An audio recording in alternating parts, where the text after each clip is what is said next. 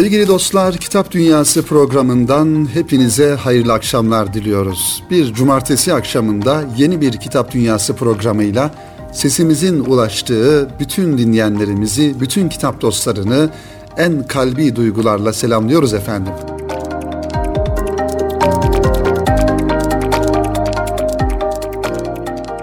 Sevgili dostlar, bu akşam Kitap Dünyası programına edebiyatımızın köşe taşlarından birisi olan önemli bir ismin bir kitabını sizlere tanıtarak ve onun edebiyatla alakalı ehemmiyetini ve bizim düşünce dünyamıza, edebiyat dünyamıza kazandırmış olduğu bu güzellikleri paylaşarak Kitap Dünyası programını başlatmış oluyoruz kıymetli dinleyenlerimiz. Bahsedeceğimiz isim Halit Ziya Uşaklıgil ve Selim İleri'nin hazırlamış olduğu Siyah Bir Adam isimli kitabını ve aynı zamanda Halit Ziya Uşaklıgil'in edebi kişiliğini sizlere aktarmaya çalışacağız kıymetli dostlar.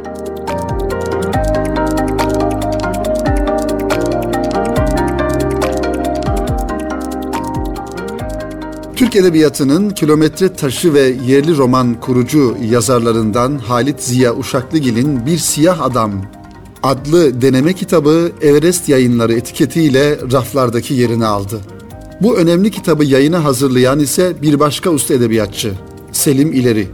Bir Siyah Adam kitabı Halit Ziya Uşaklıgil'in polemikçi, belirleyen, gösteren ve aynı zamanda bir hüznü kendi entelektüel süzgecinden geçiren yanlarını bize aktarıyor.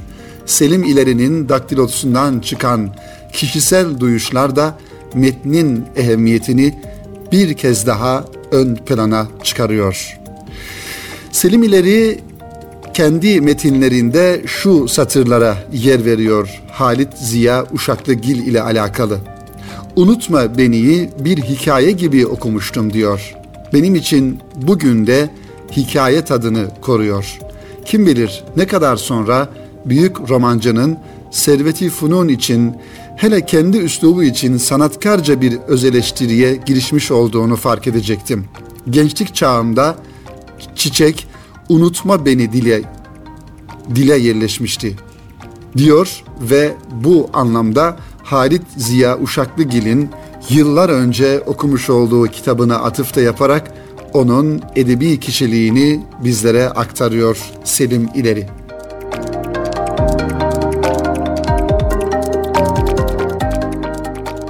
Halit Ziya Uşaklıgil'in edebiyata dair tespitleri onun Osmanlı dönemiyle Cumhuriyet dönemi arasındaki büyük çalışma gayretini ortaya çıkarmakla birlikte bir eleştiri fikrini de ortaya atar geçişlerin ve değişimlerin arasında kalması mühimdir fakat çalışmaları sadece o dönemin yansıtmaz. Günümüz edebiyat tartışmaları ve eleştirilerine de bir yol açar.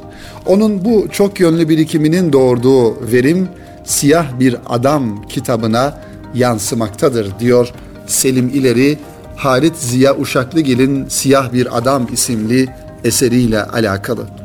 Halit Ziya bir siyah adamda edebiyat tarihi içindeki kopuşları, yeni birleşimleri, üretimin verdiği olanaklar dahilinde incelerken bunu evrensel bir zemin üzerine oturtarak yapar. Çünkü sadece edebiyatla bakmaz.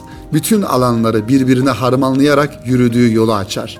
Bizim de o yolda bir şeylere tanık olurken bir şeylerden yararlanmamızı sağlar. İşte bu noktada yine Halit Ziya'nın yaşadığı dönemdeki meslektaşlarına dair yorumlar da ehemmiyet arz eder.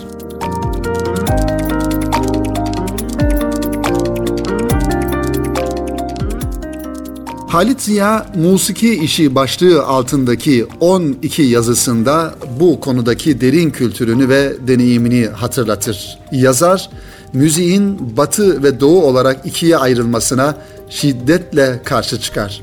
Bunun anlamsız olduğunu da dile getirir.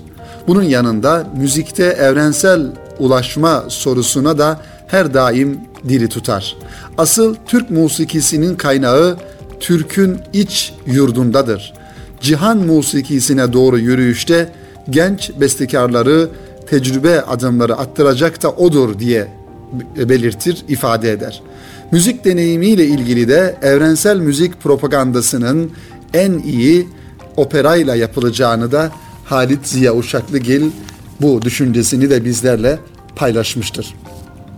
Halit Ziya Batı edebiyatını irdeleyerek kendi çalışma alanını genişletir. Hatta yazılarının çoğunda İngiliz ve Fransız yazar ve şairlerini derinlemesine ele alır. Ayrıca Türk dili meselelerini ayıklayarak gözler önüne serer. Metnin özgünlüğünü daha da güçlü hale getirir. Yerli edebiyatçıların Batı edebiyatından etkilenmelerini bir bir yazması da bunu işaret eder bizlere. Yani o bir sanat adamında olması gereken bütün özellikleri denemelerine, yazılarına taşıyarak hakkını verir. Yerli edebiyattaki cereyanları sakin ve gözlemci yönüyle nokta atışıyla gösterir. Yazarın Siyah Bir Adam kitabındaki asıl atakları sanata, sadakat ve bir sanat eseri yazılarında genç kuşağa yönelik eleştiridir. Memleketin fikri ve edebi hareketlerini takip edenler eğer okuduklarına karşı peşin olarak beğenmemek kararıyla mücehhez değillerse son neslin yazılarında mühim bir ekseriyeti teşkil eden futur verecek mahsullerin nahoş tesirlerinden sıyrılarak sıyrılacak kadar insaf gösterirler ve yeniden yeniye zuhur eden genç simalar arasında vaatlerle dolu olanlara mümtaz bir mevki ayırmakta tereddüt etmezler diyor Halit Ziya Uşaklıgil genç edebiyatçılara bir manada istikamet gösterirken. Selim İleri şu cümlelerle Halit Ziya Uşaklıgil'in Siyah Bir Adam isimli kitabını hazırlarken şu cümlelerle son veriyor.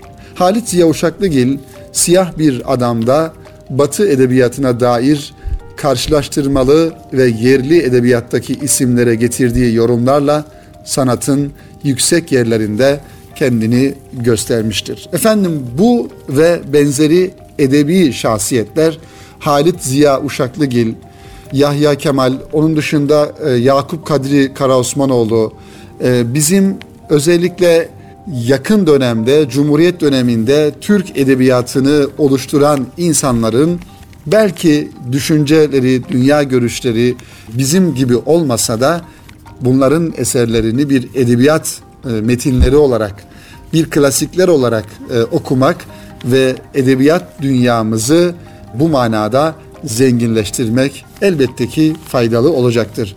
Bunun için belki e, okumalarımızı kıymetli dostlar daha çeşitlendirme adına farklı e, görüşlerde olan insanları, farklı alanlarda yazan, klasik edebiyat anlamında farklı alanlarda yazan insanları da okumak gerekir bizim zihin dünyamızı geliştirmek adına.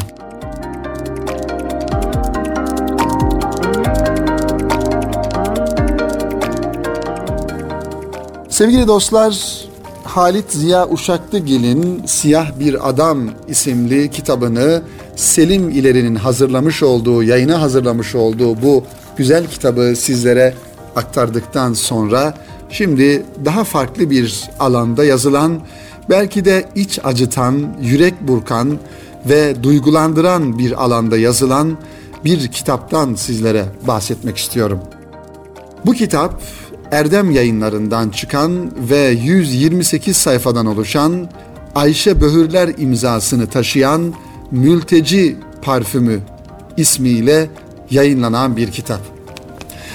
Gazeteci yazar Ayşe Böhürler bedeni sahile vuran Aylan bebeğin fotoğrafını gördükten sonra Avrupa'nın içlerine doğru mültecilerle birlikte kimi zaman yaya olarak, kimi zaman trenlerde, kamyonlarda, acılarla dolu bir yolculuğa çıktı.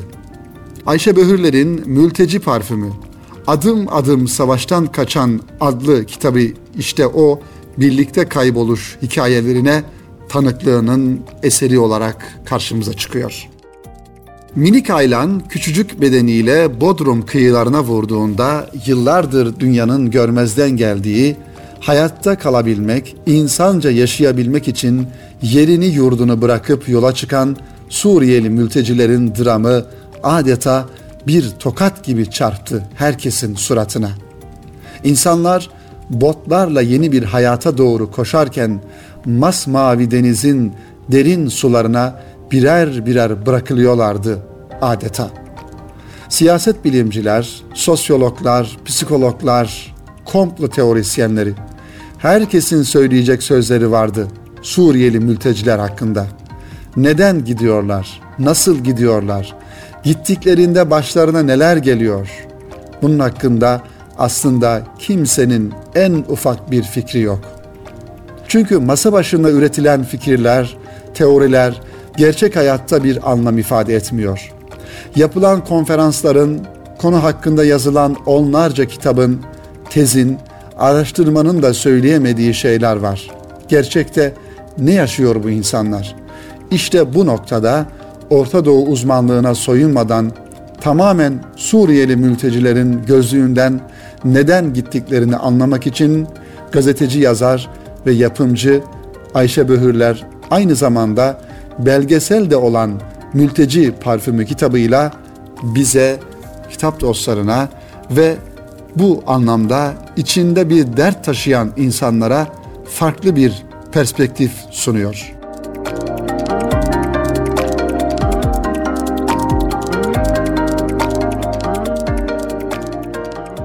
Ayşe Behürler'in belgesel olarak hazırladığı filmin malzemelerinden derlenerek hazırlanan kitap, mültecilerin ara duraklarında izlerini takip ediyor.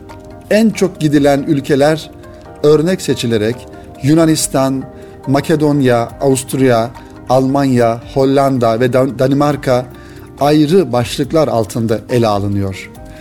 Her durak için bir mülteci bölümün karakteri olarak seçilmiş ve onun yol güzergahı ile hikayesi anlatılmış.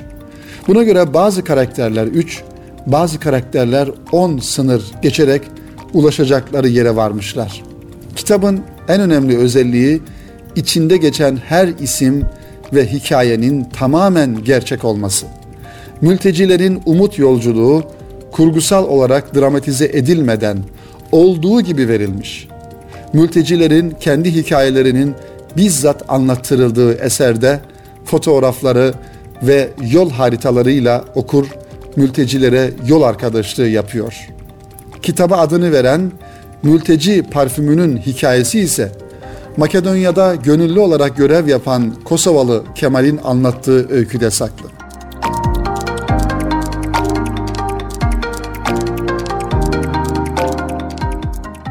Kosovalı Kemal bu öyküyü şöyle aktarıyor bize.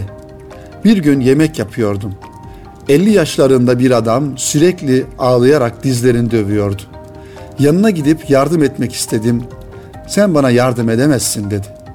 Nereye gidiyorsun diye sorduğumda bilmiyorum. Artık hiçbir yere seyahat etmek istemiyorum. Burada kampta kalmak istiyorum. Annemi, eşimi kaybettim. Altı çocuğum ve bir kardeşim denizde boğuldu. Param yok, hiçbir dileğim yok. Sadece burada kalmak istiyorum. Gidecek hiçbir yerim yok. Mülteci parfümüne alışınca başka bir yere gidemiyorsun. Mülteci parfümü ne demek diye sorduğunda hikayeyi anlatan Kosovalı Kemal, üzüntünün parfümü bu. İnsanı alıştırıyor. Bir adam bana eğer verecek paran olmasaydı ne yapardın diye sordu. Ona buraya sadece size gülümsemek için gelirdim. Size çektiğiniz acıları bir an olsun unutturmak için gelirdim dedim. Hepsi bu kadar.''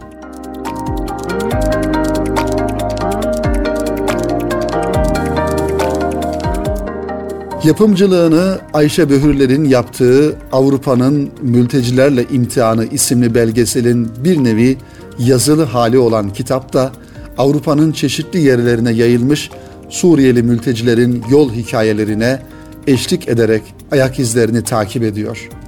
Kos limanında kıyı boyunca uzayan mülteci kuyruğunda yemek almak için yalvaran mülteciler, tel kapıları zorlayanlar, trene binmek için kilometrelerce ayaklarını kanatarak yürüyenler, trene ulaştığında bayılan yedi aylık hamile kadın, spastik engelli çocuğunu engelli arabasıyla denizden, karadan kaçak yollarla getiren anne, çocuklarını denizde kaybeden baba, anne babalarını kaybeden çocuklar, hepsi birer sinema filmi olacak kadar büyük hikayeler yanı başımızda yaşanmaya devam ediyor.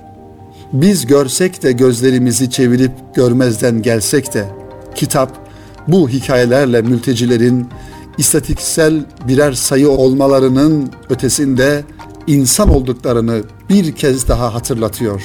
Ve aslında şunu söylüyor bize. Siz görmeseniz de onlar var. Çünkü hikayesine tanık olduğunuz kişiye artık kayıtsız kalamazsınız. Onu görmezden gelemezsiniz. Yunanistan sınırında bekleyen bir mültecinin sözleri Suriyelilerin neden yola çıktığını özetliyor adeta. Hangi ülkede yaşayacağımız önemli değil artık bizim için. Sadece eşimle ve çocuklarımla kalmak istiyorum. Bizim gördüklerimizi ve yaşadıklarımızı çocuklarımız yaşamasın ve görmesinler istiyorum. Onlara mutlu, sakin ve aileleriyle birlikte yaşadıkları bir hayat diliyorum.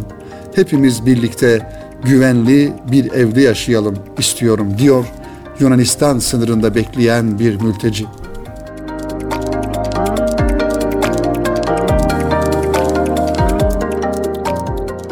Kitapta mültecilerin hikayelerine tanıklık ederken 2011 yılından bu yana devam eden Suriye iç savaşının açtığı yaraları da görmeniz mümkün. Ülkeleri yangın yeriyken çoluğunu çocuğunu kurtarmaya çalışan Suriyelilerin kaçış öyküleriyle iç savaşın farklı bir tarihçesi yazılıyor adeta. Türkiye savaşın ilk günlerinden beri her gelen mülteciye kapısını açtı. Ensar mantığıyla sayılan sayıları 4 milyonu aşan Suriyeli mülteciye ev sahipliği yaptı.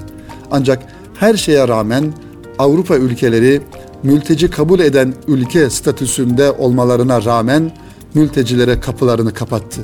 Hatta binlerce mültecinin barınmasına yetecek meblağda paraları sınırlara dikenli teller örmek için harcadı. Ama mülteciler hayatlarını riske atarak umut ışığının peşinde koştular.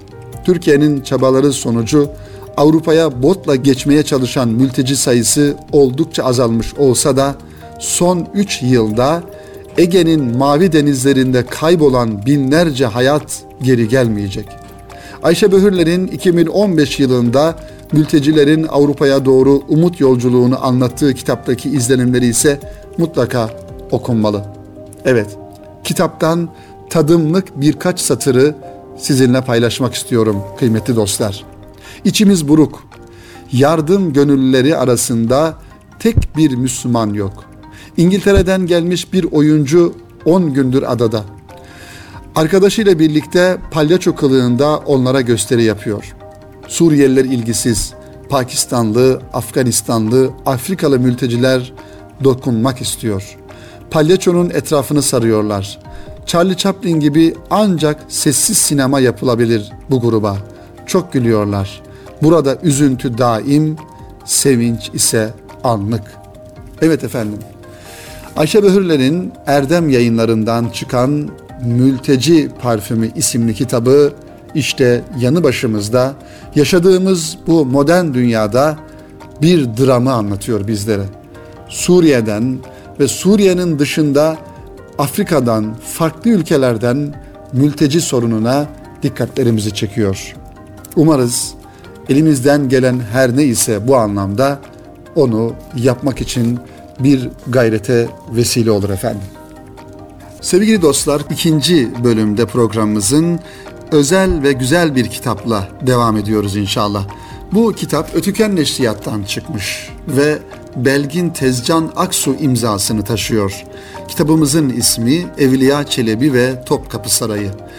Kıymetli dostlar, Evliya Çelebi ve modern zamanların Evliya Çelebilerinin hazırlamış olduğu seyahat yazıları ve tarihi vesikalar ihtiva eden gezi yazıları gerçekten e, zaman zaman okunması gereken ve belki de bizi bir manada tarihe yolculuğa çıkaran kitaplardan. Onun için bu kitabı da programımızın ikinci bölümünde sizlerle buluşturmayı uygun bulduk. Evliya Çelebi ve Topkapı Sarayı kitabında sarayı merkeze alarak İstanbul, saray ve Evliya Çelebi hakkında geniş bilgiler barındırıyor. Yazar Belgin Tezcan Aksu devrin kültürel anlayışı, mimari zevki ve insana bakışını da eklemiş oluyor. İstanbul, Evliya Çelebi'nin sadece doğduğu bir şehir değil, dedesinin fethedenler arasında bulunduğu, annesinin Abhaz diyarından getirildiği, babasının saraydaki önemli görevlerden birini ifa ettiği bir şehirdir. Bu kesişim noktaları İstanbul'u seyyahımızın hayatında çok değerli bir noktaya oturtur. Gittiği birçok yeri İstanbul ile kıyaslayarak anlatır Evliya Çelebi. Şehre verdiği bu değer içinde var olan seyahat etme arzusunu ilk olarak bu şehri hem de 10 yıl gibi uzun bir süreyle dolaşarak gerçekleştirmesini sağlar. Topkapı Sarayı ise onun için hem babasının görev yaptığı bir mekan, hem değerli hocalarının bulunduğu bir okul, hem de 4. Murad'ın en güvendiği, yanında en çok rahat ettiği musahibi konumunda iki yıl boyunca yaşadığı evidir. 17. yüzyılda mekanlarıyla ve günlük yaşamıyla Topkapı Sarayı'nı Evliya Çelebi'nin gözüyle sizlerin huzuruna getirmeyi amaçlayan Belgin Tezcan Aksu bu iki değerli yerin İstanbul'un ve Topkapı Sarayı'nın Evliya Çelebi üzerinde bıraktığı etkileri ve bizlere söylemek istediklerini derli toplu konu bütünlüğü içinde Evliya Çelebi ve Topkapı Sarayı kitabında okurla paylaşıyor.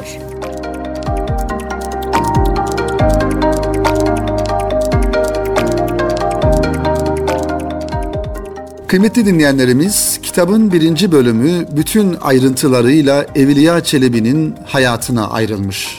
İkinci bölümü Evliya Çelebi'nin yaşadığı dönemdeki Osmanlı İmparatorluğu'nun genel durumuna, üçüncü bölüm İstanbul'un 17. yüzyıldaki görünümüne, dördüncü bölüm Evliya Çelebi'nin çağdaşı olup İstanbul'a gelen seyyahların hem İstanbul hem de saray ve yaşantısı hakkındaki düşüncelerine 6. bölüm Evliya Çelebi'nin İstanbul'un tarihi geçmişi ve Topkapı Sarayı ile ilgili seyahatnamesinde aktardıklarına, 7. bölüm Topkapı Sarayı'nın mekanlarında geçen olaylara, 8. bölüm yiyecek, içeceklerin ve bazı malzemelerin imparatorluğun hangi merkezlerinden saraya gönderildikleri konusuna ve son bölüm ise Evliya Çelebi'nin saraydaki kendi hayatına ilişkin yazdıklarına ayrılmıştır. Kitaptan edindiğimiz bilgilere göre Evliya Çelebi Kütahyalıymış. 25 Mart 1611 tarihinde İstanbul'da un kapanında dünyaya gelmiş. Evliya Çelebi yüksek tahsil yapmamış ancak özel hocalardan çok iyi bir eğitim almış. Sadizade Darül Kurrası'nda 11 yıl okuyarak hafız olmuş. Sürekli seyahat etmesi, yerleşik hayata geçmesini ve evlenip çoluk çocuk sahibi olmasını engellemiş ancak bekar oluşuyla da Evliya Çelebi gurur duyarmış. 1636 yılında 25 yaşındayken 4. Murad'ın Nedimi olarak saraya girmiş. 1638 yılında saraydan 40 akçelik maaşla sipahi olarak çıkmış. 1640 yılında İstanbul dışına yaptığı ilk Bursa seyahatiyle ölümüne kadar sürecek olan seyyah hayatı başlamış ve 1672 sonrasında Kahire'de seyahatlerine son vererek müsveddelerini bir araya getirmiş, seyahatnamesini bu şekilde tamamlamış.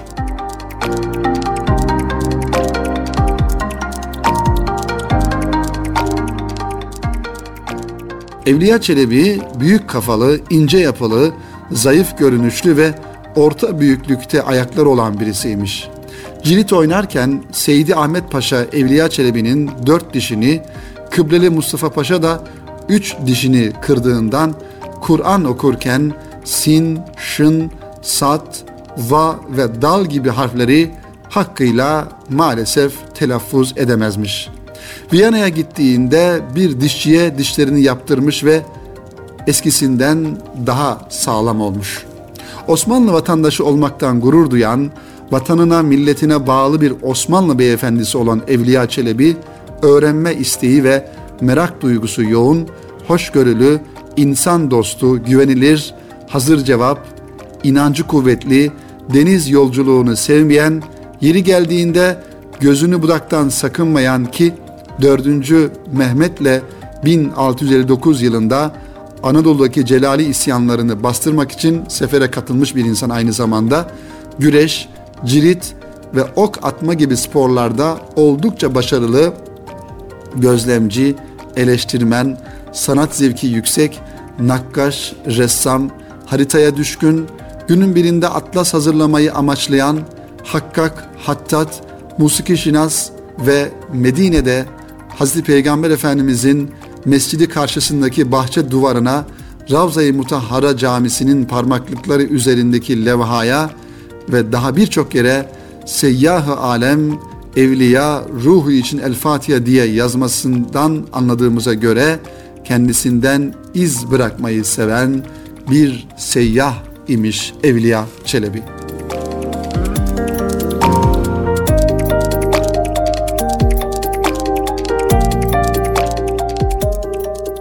Ve aynı zamanda kıymetli dostlar Arapça, Farsça, Rumca ve Latince de bilen bir insan Evliya Çelebi. Kitapta ayrıntılı şekilde işlenen Topkapı Sarayı tarihi dikkatimizi çekiyor. Başlama tarihi değişik kaynaklarda 1456, 1460 ve 1475 olarak gösterilen sarayın yapımı 1478 yılında tamamlanmış. Fatih Sultan Mehmet zamanında saraya Saray-ı Cedide-i Amire veya daha yaygın olarak Saray-ı Hümayun denirmiş. Sultan Abdülmecid'in 1856'da Dolmabahçe Sarayı'na taşınmasından sonra Topkapı Sarayı sadece özel günlerde ziyaret edilir olmuş. 17. yüzyılda şehre gelen seyyahlar sarayın görkemli olmadığı ancak manzarasının harika olduğunu ifade ederlermiş. Fatih Sultan Mehmet döneminde divanhane, arz odası, halvehane, mutfak, ekmek fırını, hastane, cephane, hasırhane, odun ambarı, saman ambarı, dış ahır, iç ahır ve vefa meydanı ahırı, Kanuni Sultan Süleyman döneminde harem, adalet köşkü ile yeni divan hane yaptırılmış saraya ilave olarak. Bu yüzyılda sarayın nüfusu askerler, köle olan hizmetçiler, saray baltacıları, aşçılar, helvacılar, ekmekçiler, hasırcılar, ak ve siyah hadım ağaları, kapı hizmetinde olanlar, muallimler, cellatlar, ahırlara bakan hizmetçiler ile 12 bin saray bostancısının toplamı alınarak 40 bin kişi olarak hesap edilmiş sarayda yaşayan insanların sayısı.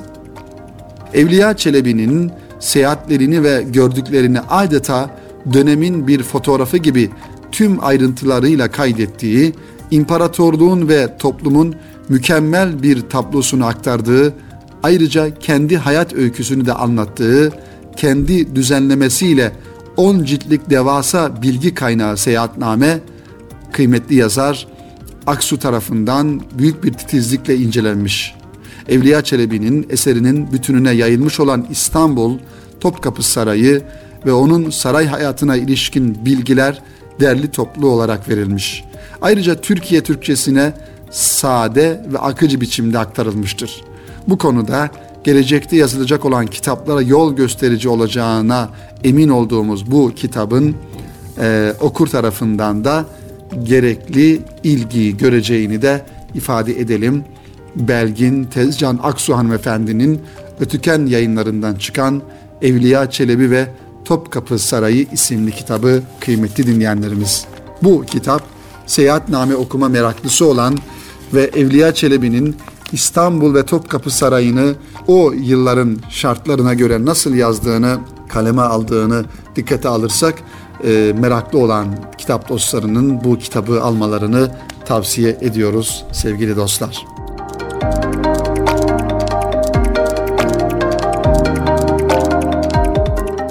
Efendim bu kitapla birlikte Kitap Dünyası programının böylelikle sonuna gelmiş bulunuyoruz. Umarız Kitap Dünyası programında sizlere takdim ettiğimiz birbirinden güzel, birbirinden önemli kitapları ve konuların sizlere ve bizlere faydalı olacağını ümit ediyoruz. İnşallah önümüzdeki hafta yeni kitaplarla, yeni konularla tekrar huzurlarınızda olmayı ümit ediyoruz.